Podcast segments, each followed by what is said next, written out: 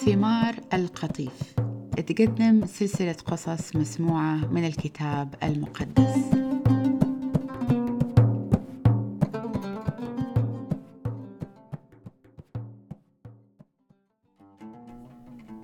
وزي ما سمعنا قصة إبراهيم وسارة.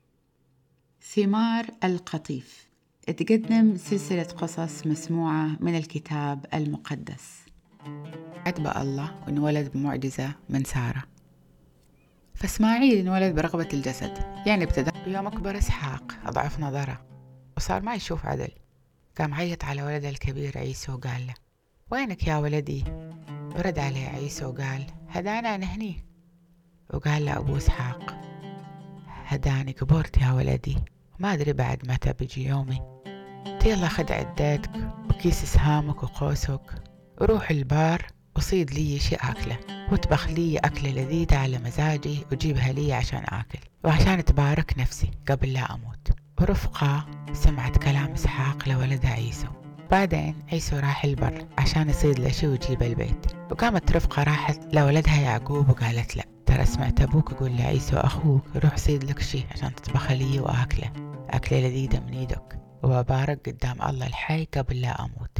والحين يا ولدي اسمع كلامي وسوي اللي بقوله لك. وروح عند غناتي اختار لك غنمتين زينين.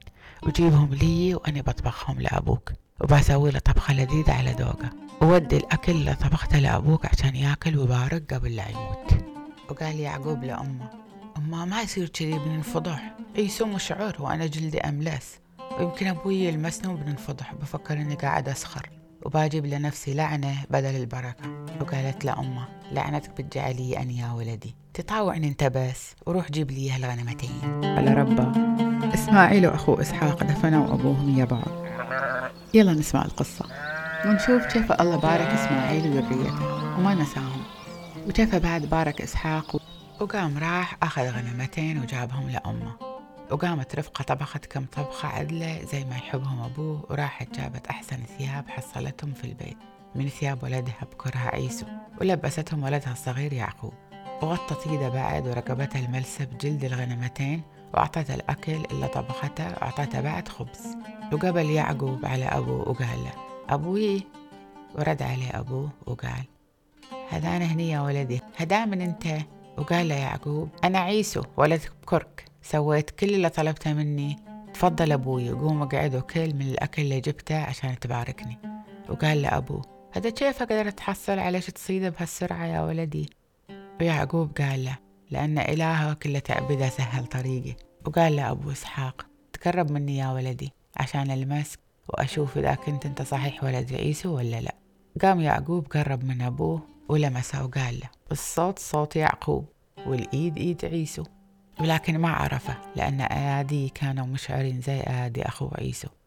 وباركه ورجع سأله الحين أنت ولدي عيسو؟ ويعقوب قال له إي أبوي أنا عيسو. وقال له يلا جيب لي الصيد صدته هذاني باكل ونفسي بتبارك. وقام يعقوب جاب الأكل إلى أبوه وأبوه أكل وبعدين جاب له خمر وشرب. وبعدين أبوه قال له تعال حبني يا ولدي. وقام قرب منه وحبه وشم ريحة ثيابه وباركه وقال له أشم ريحتك يا ولدي زي ريحة حقل الله مباركنا الله ينعم عليك من ندى السمع ومن خيرات الأرض ويكثر لك القمح ومحاصيل كروم العنب ولا منها بتسوي خمر جديد كل سنة ويخدموك القبايل وتسجد لك لشعوب وتكون رئيس على أخوتك وأخواتك من أمك بيسجدوا لك احتراما لك والله ببارك اللي يباركوك وبيلعن اللي يلعنوك. ويوم فرغ إسحاق من البركة اللي باركها يعقوب طلع يعقوب من عنده ولا برجعة أخوه عيسو من الصيد. وقام هو بعد طبخ طبخة عدلة ولذيذة وجابها لأبوه وقال له يلا أبوي تفضل كل من هالصيد اللي صادها ولدك عشان نفسك تباركني. وقال له أبو إسحاق هذا من هو أنت؟ ورد عليه عيسو أنا ولدك بكرك عيسو. واختلع إسحاق خلعة قوية وقال هذا من هو ده أجل اللي صاد له صيده؟ وطبخ وجاب لي وأكلت من كل اللي جابه قبل لا تجي وباركته. وبالفعل صار مبارك. ويوم سمع عيسو كلام أبوه قام يصيح بصوت عالي ومرارة قلب ويقول باركني أنا بعد أبوي. وقال له أبوه هذا أخوك نكبي وباقي بركتك بعد الله وقام قال لعيسو مو هو اسمه يعقوب بعد له؟ هدوها صحيح صار عقبة في طريقي مرتين وأخذ بكوريتي وهدوها الحين أخذ بركتي. ما خليت لي شوية بركة أبوي. وقال له أبوه ترى أنا باركته وخليته رئيس عليك وعلى كل أخوته وبصير خدم له وباركته بقمح وخمر جديد. خلاص راحت عليك يا ولدي وش أقدر أسوي لك بعد؟ ورد عليه عيسو يعني بس عندك بركة واحدة تباركني فيها أبوي باركني أنا بعد أبوي عاد عاد. قتل روح عيسو من الصياح بصوت عالي. ومرت الأيام وصارت في مجاعة وقال لأبوه اسمع أنت بتعيش بعيد عن خيرات الأرض ولا بطل على أرضك ندى السماء. بتعيش بسيفك وبتصير عبد لأخوك ولا بيهدالك بال إلا إذا تحررت من عبوديته. وقام حقد عيسو على يعقوب لأن نال كل البركات اللي حصلها من عند أبوه. وقال في نفسه أبوي موتة قربت وبعد ما يتوكل بقتل أخوي يعقوب. ورفقة سمعت اللي قاله عيسو وقامت عيطت على ولدها يعقوب وقالت له ترى عيسو أخوك مخطط إنه ينتقم منك ويقتلك. الحين يا ولدي اسمع كلامي. وروح فلح. وروح عند أخوي لابان في أرض حاران. وقعد عنده كم يوم لحد ما يهدأ أخوك وتخف عصبيته. ومتى ما هدأ ونسى اللي سويته فيه برسل لك خبر وترجع لنا. بعد هذا شايفه بعد انحرم منكم انتون الاثنين في يوم واحد. وبعدين راحت رفقة لإسحاق وقالت له اسمعني تراني مو طايقة عيشتي بسبة هالبنات الحسيات اللي متزوجنهم ولدك عيسو وإذا يعقوب بعد تزوج من هالبنات الحسيات اللي في هالديرة بعد مو تحسن لي. قام إسحاق بعد ما سمع كلام مرته عيط على يعقوب وباركه ووصاه وقال له تسمع كلامي يا ولدي لا تتزوج من بنات كنعان سمعته. تقوم روح فدان أرام بيت جدك بتوئيل وتزوج واحدة من بنات خالك لابان. والله القادر على كل شي ببارك وبزيدك خير ويكثر نسلك وتكون أمة تتفرع منها شعوب واجد.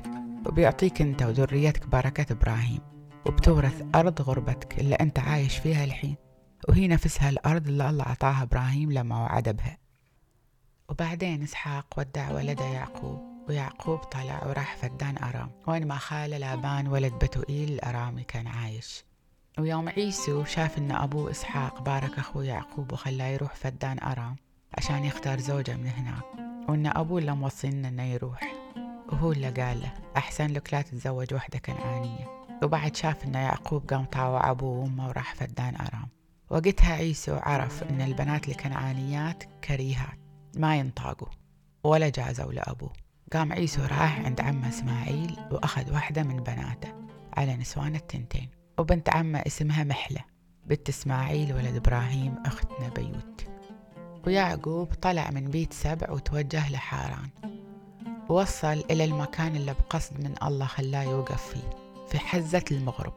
وقضى في هالمكان ليلته وقام أخذ حجارة وحطها تحت راسه وبيت هناك. وهو نايم حلم حلمه وما شاف في الحلم إلا درج طالع من الأرض واصل فوق للسماء وشاف ملائكة الله تركب وتنزل على الدرج والله الحي بنفسه واقف عليها من فوق وقال له أنا هو الله الحي إله أبوك إبراهيم وإسحاق. أنا بعطيك هالأرض اللي أنت الحين نايم فيها وبتصير إلك ولذريتك ونسلك بكون بعدد رمل الأرض وبكونوا منتشرين في الغرب والشرق وفي الشمال والجنوب. وتتبارك بك وبذرية كل شعوب الأرض. وأنا بكون إياك وبكون اهتميت فيك بعناية الإلهية وين ما تروح وبرجعك إلى هالأرض وما بترك لحد ما أوفي كل اللي وعدتك به. بعدين وتع يعقوب من النوم وقال بالفعل الله الحي في هالمكان وأنا ما كنت داري. وصارت عنده رهبة وقال هالمكان كله رهبة ووقار أكيد هذا بيت الله وهذا هو باب السماء. وبعدين جا وقت الصبح وقعد يعقوب من النوم وأخذ الحجرة اللي نام عليها ووقفها زي العمود وصب عليها زيت وسمى المكان بيت إيل ومعناه بيت الله. وهالمدينة اسمها قبل كان لوز. ونذر يعقوب نذر وقال إذا صحيح الله ضل جاي وبالفعل اهتم فيني في الطريق اللي أنا ماشي فيه ووفر إلي أكل عشان آكل وثياب عشان ألبس ورجعني بسلامة لبيت أبوي وقتها بكون هو ربي. والنصب التذكار اللي سويته من هالحجرة بكون بيت الله. وبدفع له عشوري من الرزق اللي بيرزقني إياه. وكمل يعقوب طريقه ووصل أرض أولاد المشرق اللي هي أرض حاران. وطلع حواليه وشاف بير في المزرعة وكان جنب البير غنم بثلاث مجموعات مختلفة. وكانوا رعاة الغنم يسقوهم من هالبير. وكان في حجرة كبيرة سادة وكانوا رعاة الغنم يتجمعوا عند هالبير. ونزلوا الحجرة من فوق ويسقوا الغنم من هالبير. وبعدين يقوموا يرجعوا الحجرة مكانها. وقال لهم يعقوب يا جماعة من وين أنتون؟ وقالوا لرعاة الغنم إحنا من حاران. ورجع رد عليهم يعقوب تعرفوا لابان ولد ناحورة وقالوا له إيه نعرفه؟ وقال لهم يعقوب إن شاء الله هو بخير. وقالوا للرعاة هو بخير الحمد لله. وهديها بالتراحي القابلة علينا يا الغنم. وقال لهم يعقوب هديها الشمس بعد هي طالعة.